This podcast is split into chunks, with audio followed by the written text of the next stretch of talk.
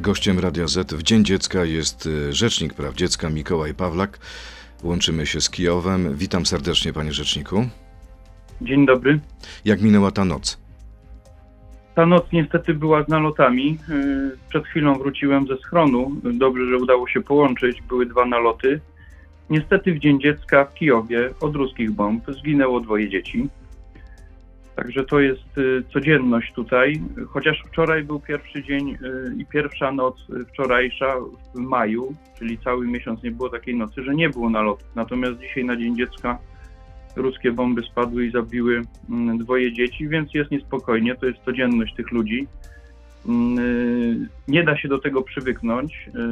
Tutaj widzę ten ruch na ulicach w ciągu dnia, ale jednocześnie obawę z każdą chwilą, co się dzieje. Widziałem dzieci, które biegły w czasie właśnie alarmu y, do schronu i to łamie serce, y, jak można w taki sposób postępować y, i łamać wszelkie ludzkie standardy, żeby bombami atakować dzieci. Uczestniczy pan w konferencji zorganizowanej przez ukraińskiego Rzecznika Praw Obywatelskich i prezydenta Zełęńskiego.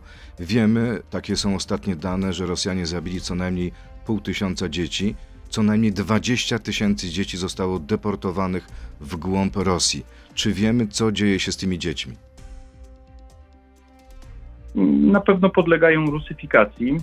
To jest zwykła od y, dekad, od setek lat metoda y, Rosjan, żeby rusyfikować.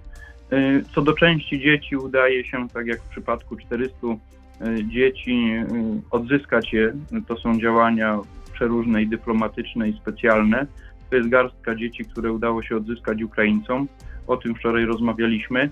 Y, Za właśnie te osiągnięcia, bo to każde dziecko uratowane to jest osiągnięcie. Przyznałem koledze Dmytro Lubincowi odznakę honorową za zasługi dla ochrony praw dziecka, żeby go wesprzeć y, w tych działaniach tutaj na wschodzie, a jednocześnie wspieram go też na, y, na arenie międzynarodowej. Przedwczoraj byłem w Sztokholmie na posiedzeniu rzeczników Europejskiej Sieci Rzeczników Praw Dziecka, gdzie tam właśnie on nie mógł być.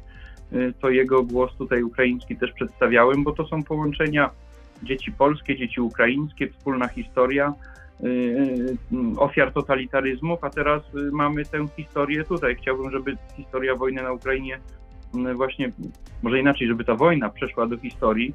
Wszyscy byśmy sobie tego życzyli, ale na razie póki co y, trwa walka o odzyskiwanie dzieci y, spod rusyfikacji.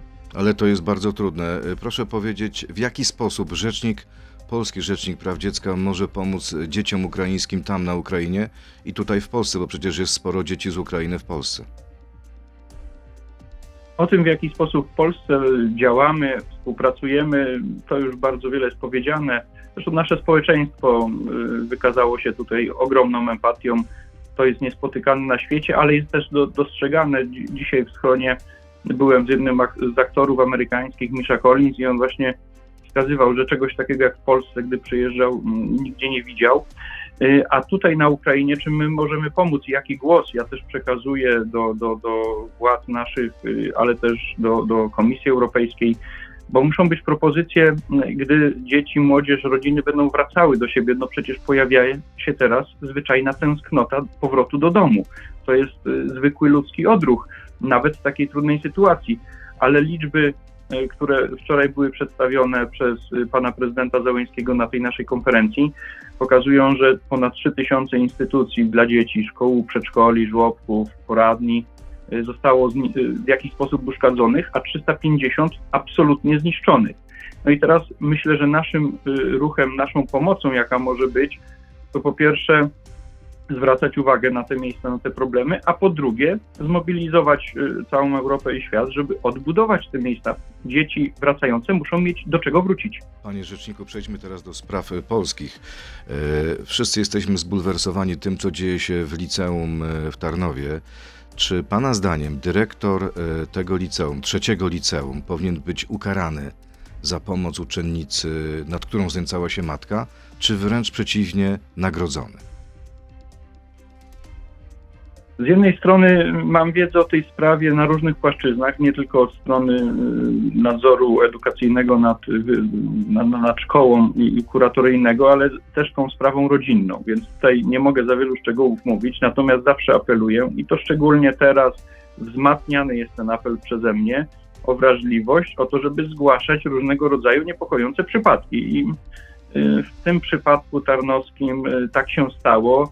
Y, Nawet jeżeli gdzieś tam coś y, można by było wskazywać, to sama interwencja moim zdaniem była zasadna i to mogę powiedzieć. Y, Niekoniecznie y, trzeba od razu za tego typu czyny, czy karać, czy w jakiś sposób konsekwencje wyciągać, bo y, istotne było to, żeby pomóc y, młodej właśnie, czyli żeby pana pomóc zdaniem- uczniom. Pana zdaniem e, ruchy poczynione przez panią kurator małopolską Barbarę Nowak e, są niepotrzebne, bo wiemy, że jest postępowanie dyscyplinarne wobec dyrektora. Ma ono się e, e, odbywać do przyszłego roku. Dyrektor ma czekać na rok na decyzję, a w tym czasie ma być zawieszony. Murem za dyrektorem stoją uczniowie. Czy pani kurator popełniła błąd? Moim, w moim biurze jest około tysiąca spraw dyscyplinarnych rocznie od wszystkich kuratorów y, w Polsce i my to w, tym, w toku tych postępowań weryfikujemy. W wielu przypadkach udaje się y, czy wykazać nieprawidłowości, jeżeli one były, ale jeżeli nie doszło do jakichś naruszeń, no to wtedy trzeba czym prędzej mm, te, te negatywne skutki naprawić. Proszę wybaczyć, ze względu na szczegóły nie chcę w nie wchodzić, ale apel mój jest taki, nie ustawajmy we wrażliwości i w zgłaszaniu, bo Jasne, od ale tego, żeby zweryfikować konkretną odpowiedź. Pana zdaniem dyrektor zachował się tak, jak potrzeba? tak jak potrzeba i takie postawy są wymagane. Czyli pani kurator poszła o krok za daleko.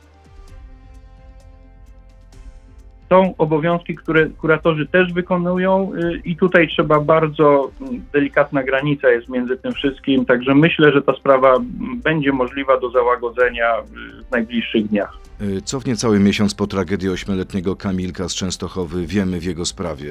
Czy wiemy, kto zawinił? E, Kto nie sprostał e, swojemu zadaniu? Pozbieram teraz protokoły kontroli z różnych instytucji kuratorskich, nadzoru administracyjnego nad sądem, z Ministerstwa Sprawiedliwości, z resortu e, edukacji, z resortu rodziny i tamtych służb. I potwierdza się, panie redaktorze, to o czym rozmawialiśmy kilka tygodni temu. Yy, Ślepota, klapki na oczach. Wszyscy mieli yy, po kawałku tej bardzo brutalnej układanki życia Kamilka, tylko no, ktoś nie spojrzał, jak bardzo brutalne kawałki są. Yy, Pan mówi wszyscy, panie konsekwencje- rzeczniku, ale kto konkretnie? Panie redaktorze, nie jestem od stawiania zarzutów i, i proszę wybaczyć, ze mnie ten obowiązek, ale wskazałem, że bardzo wiele instytucji brało udział i większość z nich popełniła błędy, nie wskazując y, sądowi ostatecznie sąd nie podjął tej y, decyzji, która by pozwoliła uratować Kamilka. Y, Tyle mogę powiedzieć co do nazwisk, co do stanowisk. Proszę wybaczyć, nie będę tego teraz pu- upubliczniał. Od tego są instytucje i ścigania i nadzoru. Dobrze, panie rzeczniku, teraz pora na krótką piłkę. Pięć krótkich pytań do pana, do naszego gościa. Poproszę odpowiedzi tak albo nie. A więc zaczynamy. Mam wyrzutu sumienia w sprawie Kamilka. Tak czy nie? W każdej sprawie śmierci dziecka mam wyrzuty sumienia. Tak. W szkołach nie ma miejsca dla LGBT. Tak czy nie? Nie, no, jest miejsce. Jest miejsce dla wszystkich. Religia w szkołach powinna być obowiązkowa. Tak czy nie? Nie. Kara śmierci dla morderców dzieci. Tak czy nie? Nie. Smartfony precz ze szkół. Tak czy nie? Tak. Mikołaj Pawlak, Rzecznik Praw Dziecka, który przebywa teraz na konferencji w Kijowie, jest gościem Radia Z. Przechodzimy teraz do internetu na Radio Z.pl, Facebooka i YouTube'a. Tam zapytam pana rzecznika o kontrolę, jaką prowadzi w szkołach przyjaznych LGBT. To jest gość Radia Z. A wróćmy jeszcze do sprawy Kamilka z Częstochowy. Pan unika odpowiedzi na pytanie, kto konkretnie odpowiada za jego śmierć. Ale ja to pytam. Nauczyciele, szkoła, ośrodek pomocy społecznej, sędzia, konkretny sędziowie, asystent społeczny. Ja nie pytam o nazwiska, pytam o ludzi i konkretne funkcje. No i wymienił pan redaktor y, po kolei. Oczywiście sygnalizowałem już y, przy naszej poprzedniej rozmowie, że akurat szkoła tam y, najwięcej zrobiła, więc myślę, że tutaj najmniej zarzutów jest, ale po kolei wszystkie inne instytucje, które miały dbać o tą rodzinę, a nie zadbały, na pewno będą y, musiały odpowiedzieć bardzo mocno na te pytania, a nie przerzucać się odpowiedzialnością, tak jak się to dzieje teraz y, w pismach, które dostajemy, bo niekiedy one są ze sobą wewnętrznie sprzeczne albo y, zmieniają się po kilku dniach. Powiedział pan, że w przypadku śmierci każdego dziecka, każdy, a także, czy może głównie Rzecznik Praw Dziecka powinien mieć wyrzutu sumienia. Pamięta pan te słowa Jerzego Owsiaka sprzed y, kilku tygodni, który zapytał po tej sprawie o pańską odpowiedzialność. Jak y, pan z perspektywy tych kilku tygodni od dramatu by mu odpowiedział?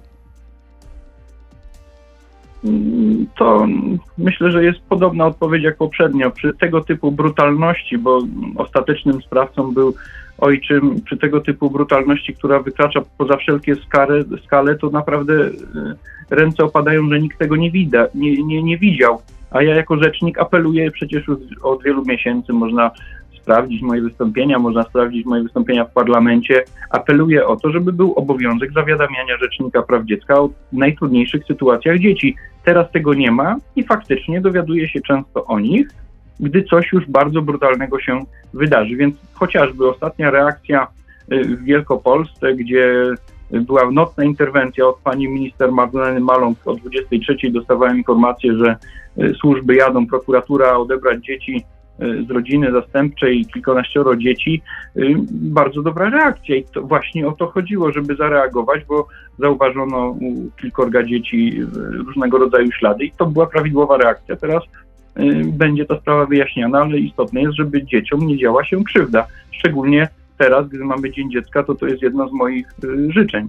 No dobrze, ale bo były takie dwie odpowiedzi na to, co się stało w Częstochowie, że z jednej strony y, zawalił system i system jest niesprawny, z drugiej strony, że to jest wina konkretnego człowieka. Y, były rzecznik praw obywatelskich Adam Bodnar powiedział, że system jest nastawiony na to, żeby chronić rodzinę, instytucje, ale nie dzieci. Czy pan zgadza się z tą diagnozą? Rodzina to podstawowa komórka społeczna. Tam się dzieci wychowują. Badania, które prowadzę o jakości życia dzieci w Polsce potwierdzają, że zdecydowana większość, 90% rodzin, dzieci funkcjonuje normalnie, prawidłowo. No, nie możemy dzieci wychowywać w jakimś e, systemie automatyzmu. Rodzina to jest pierwsze miejsce. A w przypadkach, gdy zaczyna się przemoc, kończy się ochrona tej rodziny i tak powinno być w przypadku Kamilka, w przypadku rodziny zastępczej, która być może znęcała się nad tymi dziećmi, y, trwają postępowania. W tym momencie kończy się ochrona i wtedy państwo powinno wkraczać bardzo radykalnie. Panie redaktorze, akurat jestem współautorem wielu przepisów, które od kilku lat wchodzą w życie, które zaostrzają sankcje dla y, sprawców, które zaostrzają reakcję policji, wielu organów, tylko nie zawsze ta policja czy organy reagują w taki sposób, który ma możliwość wynikającą z przepisów, które napisaliśmy, chociażby ustawa antyprzemocowa sprzed niemal dwóch lat, chociażby rejestry różnego rodzaju, w których można posprawdzać i mieć wiedzę o tym, czy ktoś chce uciekać przed odpowiedzialnością, czy nie. Także tutaj y, ochrona rodziny kończy się w momencie, kiedy ta rodzina przestaje być rodziną, czyli zaczyna się przemoc, bo przemoc nie jest y, elementem rodziny. Y, Pan y, postuluje, żeby Rzecznik Praw Dziecka miał dostęp do takich spraw. Czy był informowany? Y, Czy złożył w tej sprawie Pan y, jakąś inicjatywę? Czy jest w Sejmie projekt w tej sprawie? Czy może dojść do zmian już wkrótce? Jest w Sejmie mój projekt, napisany w moim biurze, zgłoszony Komisji Rodziny. Rozmawiałem już z panią przewodniczącą Rusecką. Y, Jest szansa, że ten projekt będzie na najbliższych posiedzeniach Sejmu rozpatrywany. To nie jest wielka zmiana, od strony legislacyjnej bardzo banalne. Nie wymagam y, do tego wsparcia finansowego Biura Rzecznika. Poradzimy sobie z tymi sprawami, bo my już te badania prowadzimy, tylko niestety po trudnym wydarzeniu, a chcielibyśmy wcześniej zareagować. Panie rzeczniku, po co pan kontroluje szkoły, które zajęły wysokie miejsca w rankingu placówek przyjaznych społeczności LGBT? Po co są te kontrole? Czy to jest jakaś forma e, represji wobec tych szkół? Absolutnie nie forma represji, niepotrzebny jest taki przekaz. Kontroluję szkoły za każdym razem, w ogóle placówki edukacyjne, wychowawcze, gdy dociera do mnie jakiś sygnał. Tych spraw mam setki w ciągu roku.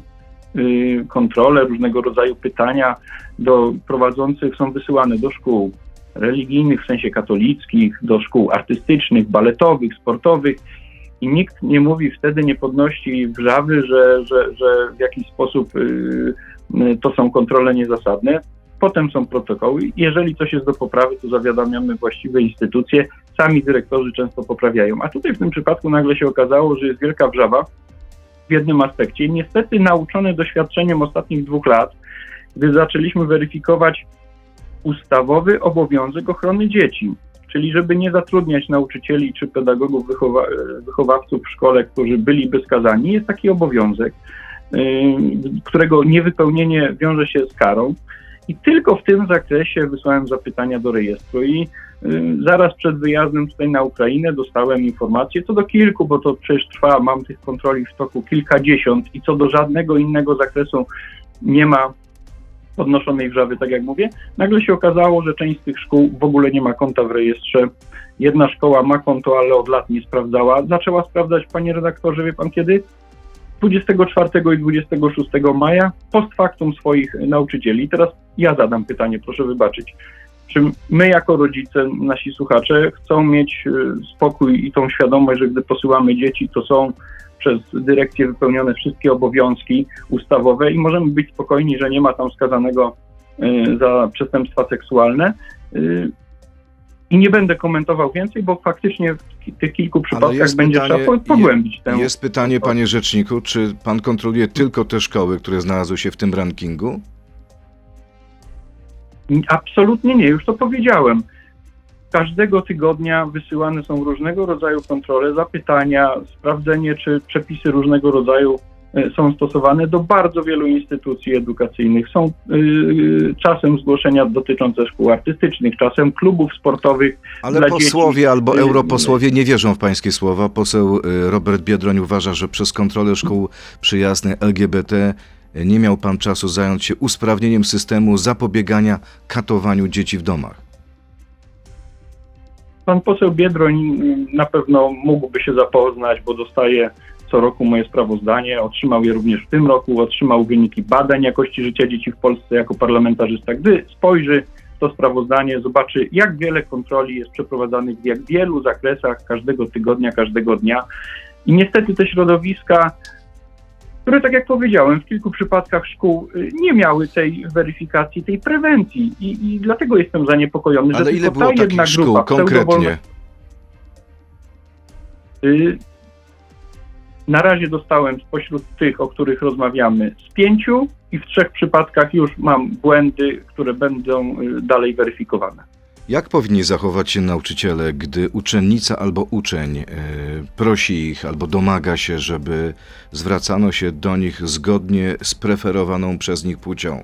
Co w takiej sytuacji powinien zrobić nauczyciel? Powinien spełnić życzenie ucznia, czy nie? Myślę, że tutaj y, bardzo istotne jest właśnie podejście to wychowawcze-pedagogiczne do ucznia, empatyczne do ucznia i do jego rodziny, bo to przecież jest na pewno sprawa, w którą zaangażowana jest rodzina. Jeżeli to są sprawy, a takie się zdarzają przecież w Polsce i zdarzały się takie, w których uczestniczyłem, że odbywa się to właśnie zgodnie z tymi procedurami, y, które są opisane w procedurach również sądowych, bo to są często sprawy medyczne, różnego rodzaju powiązane, to oczywiście tak, jednak no, w tych kilku przypadkach, które się niekiedy zdarzają i można by powiedzieć, że to jest y, niezwiązane z tymi postępowaniami, tylko y, jednorazowa taka sytuacja, no to wtedy trzeba tutaj faktycznie apelować do tych nauczycieli, wychowawców, pedagogów, czy to jest y, zgodne z dobrem dzieci. Ja stoję Ale na konkret, poproszę o są konkretną sytuacje- odpowiedź. Jeśli taki uczeń albo uczennica chce, aby nauczyciel e, zwracał się do niej e, jak do chłopaka, a nie jak do dziewczyny, albo jak do dziewczyna, jak do chłopaka, to co powinien zrobić nauczyciel? Powinien spełnić prośbę dziecka, czy nie? Jeżeli są sytuacje, które są uzasadnione y, y, postępowaniami trwającymi albo już zakończonymi, to jak najbardziej tak. Tyle. Jedna z dyrektorek szkół przyjaznych LGBT e, powiedziała, że trzeba pozwolić e, dzieciom być sobą, a w jej szkole istnieje taka procedura zmiany imienia uczennicy lub ucznia tylko w warunkach szkolnych. Co pan o tym myśli? To są kwestie statutowe szkół, y, ale trzeba mieć świadomość, że niekoniecznie to jest zgodne z prawem powszechnie obowiązującym, a jestem od tego, żeby mm, zwracać uwagę na, na, na, na prawo, które obowiązuje w Polsce. Bądźmy szczerzy i, i miejmy tę świadomość, że y, coś tutaj się jest okej. Y, Miejmy świadomość tego, że, że dotyczy to całego społeczeństwa i później skutki mogą być przeróżne. No,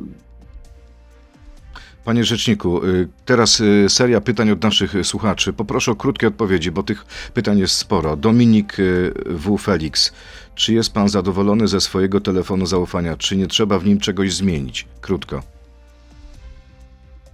Telefon zaufania działa, mnóstwo połączeń. Chętnie, chętnie przyjmę y, kolejnych psychologów, pedagogów, bo niestety, znaczy z jednej strony stety, bo pomagamy wielkiej liczbie dzieci, ale zawsze ta pomoc jest potrzebna i, i na pewno y, rozszerzenie pomocy jest potrzebne. Tak jak mówię, nawet mamy w języku ukraińskim Ukrainki.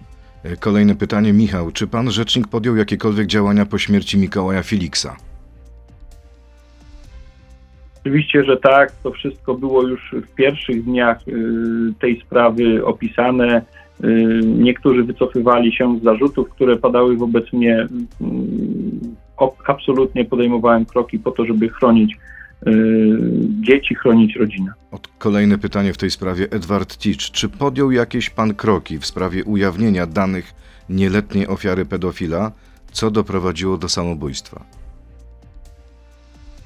W tych sprawach y, miałem nawet re, relacje i tutaj Krajowa Rada Radiofonii i Telewizji występowała y, wskazując na, na możliwe y, nieprawidłowości, a jednocześnie apeluję, bo w wielu przypadkach, gdy za, przeanalizowaliśmy ostatni rok, okazało się, że w kilkunastu przypadkach media, różne media, wskazywały nawet lokalnie sytuacje, które pozwalały zidentyfikować dzieci i rodziny i to niestety powoduje, teraz dostałem w zeszłym tygodniu kolejny bardzo bulwersujący przypadek, yy, apeluję do mediów, żeby niekiedy powstrzymać się przed sensacją, yy, bo to będzie lepsze dla tych dzieci.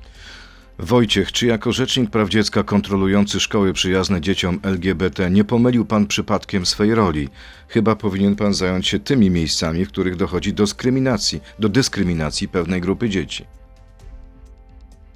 Ja bym chciał, żeby szkoły były przyjazne wszystkim, y, również niepełnosprawnym, również otyłym, również ubogim, y, żeby nie wyodrębniać jakiejś specjalnej grupy, bo wtedy inni mogą poczuć się właśnie dyskryminowani. Szkoły po prostu powinny być przyjazne dzieciom, a już szczególnie od Dnia Dziecka apeluję o to, żebyśmy jednym wspólnym głosem mówili o tym, żeby dzieci były, żeby szkoły były przyjazne dla wszystkich dzieci. Kolejne pytanie. Dlaczego bardzo często brzmi pan jak najbardziej zatwardziały polityk partii rządzącej? Nie woli pan wziąć przykładu z pana Błażeja Kmieciaka, który odciął się od sejmowej większości, która go wybrała, stawiając na pierwszym miejscu dobro nieletnich? Ja byłem wybrany jeszcze w poprzedniej kadencji, również głosami y, parlamentarzystów opozycyjnych i posłów i senatorów i zabieram głos w imieniu dzieci, nie w imieniu jakiejkolwiek y, opcji politycznej i na podstawie przepisów, które są w ustawie i konwencji o prawach dziecka. Paulina, czy będzie pan kandydował w najbliższych wyborach do Sejmu z okręgu numer 10? Mm, Nawet nie wiem, gdzie jest okręg numer 10. y, Nie planuję startowania w wyborach y, politycznych. PS. Ile przeciętnie trwa rozpatrzenie sprawy oraz odpowiedź przez rzecznika na wpływające zgłoszenia w sprawach niemedialnych?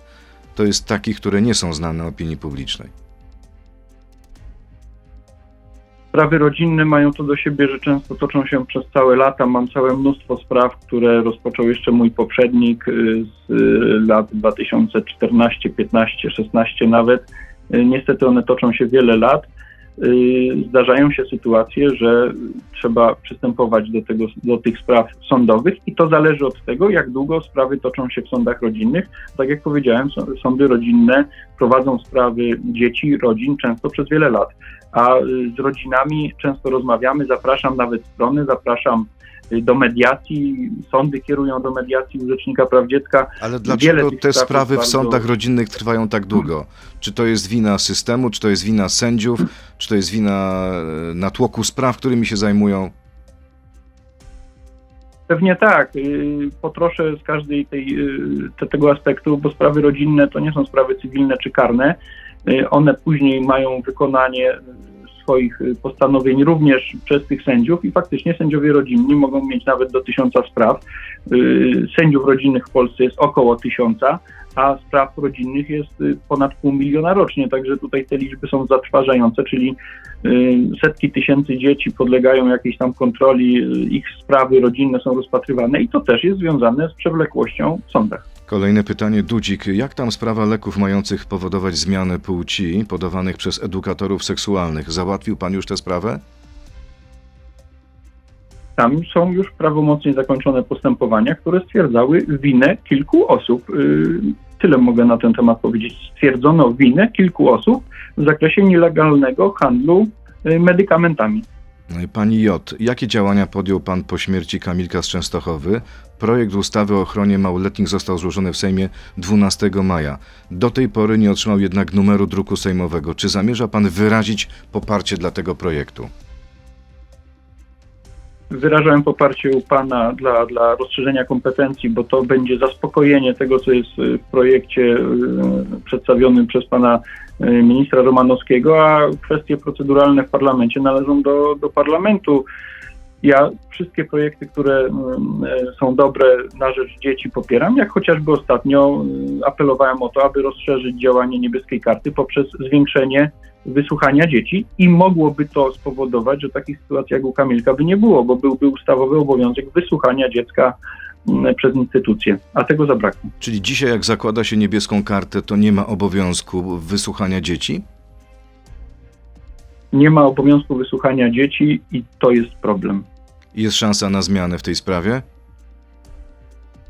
Myślę, że tak. y, Tutaj jest y, intensywne prace trwają nad tym, bo one nie, nie wymagają wielkich zmian, natomiast y, w prawie, natomiast wymagają zmian też w mentalności y, instytucji prowadzących, ale gdy będzie taki obowiązek, tak zwany oblik, no to wtedy będą musieli to wykonywać. I na koniec serii pytań od naszych słuchaczy. Yy, Pytanie mam wrażenie natury osobistej, ale chyba pan o tym mówił. Yy, Słuchacz pod nazwą czy pod nikiem No chyba sobie kpisz pyta, dlaczego podpalił pan brata? Młody, głupi. Dawno już z bratem to wyjaśniliśmy. Jesteście teraz przyjaciółmi? Zawsze byliśmy. I wtedy chyba pan dostał klapsa, tak? No tak to było. To były lata 80., może 90. Teraz jest zupełnie inna metoda wychowawcza i myślę, że wszyscy y, ku temu zmierzamy, żeby dzieci wychowywać na prawych ludzi, żeby pokazywać im świat. Y, Jeśli mogę, to właśnie w zakresie życzeń, bo dzisiaj słoneczny dzień, mam nadzieję, w Polsce i życzymy radości, zabawy i tak dalej, ale dzieciom należy życzyć tego, żeby trafiały na mądrych dorosłych, którzy pokażą im wartościowy świat, y, pełen y, pięknych rzeczy i z tego oni będą mogli być w przyszłości wspaniałymi dorosłymi. Tak to jest, że niestety uczymy się najlepiej na swoich własnych błędach. Obyśmy wyciągali z nich wnioski. A jest pan wdzięczny rodzicom za taką reakcję, czy ma pan do nich żal? Jestem wdzięczny rodzicom za wychowanie mnie i mojego rodzeństwa. Jest nas y, bardzo wiele.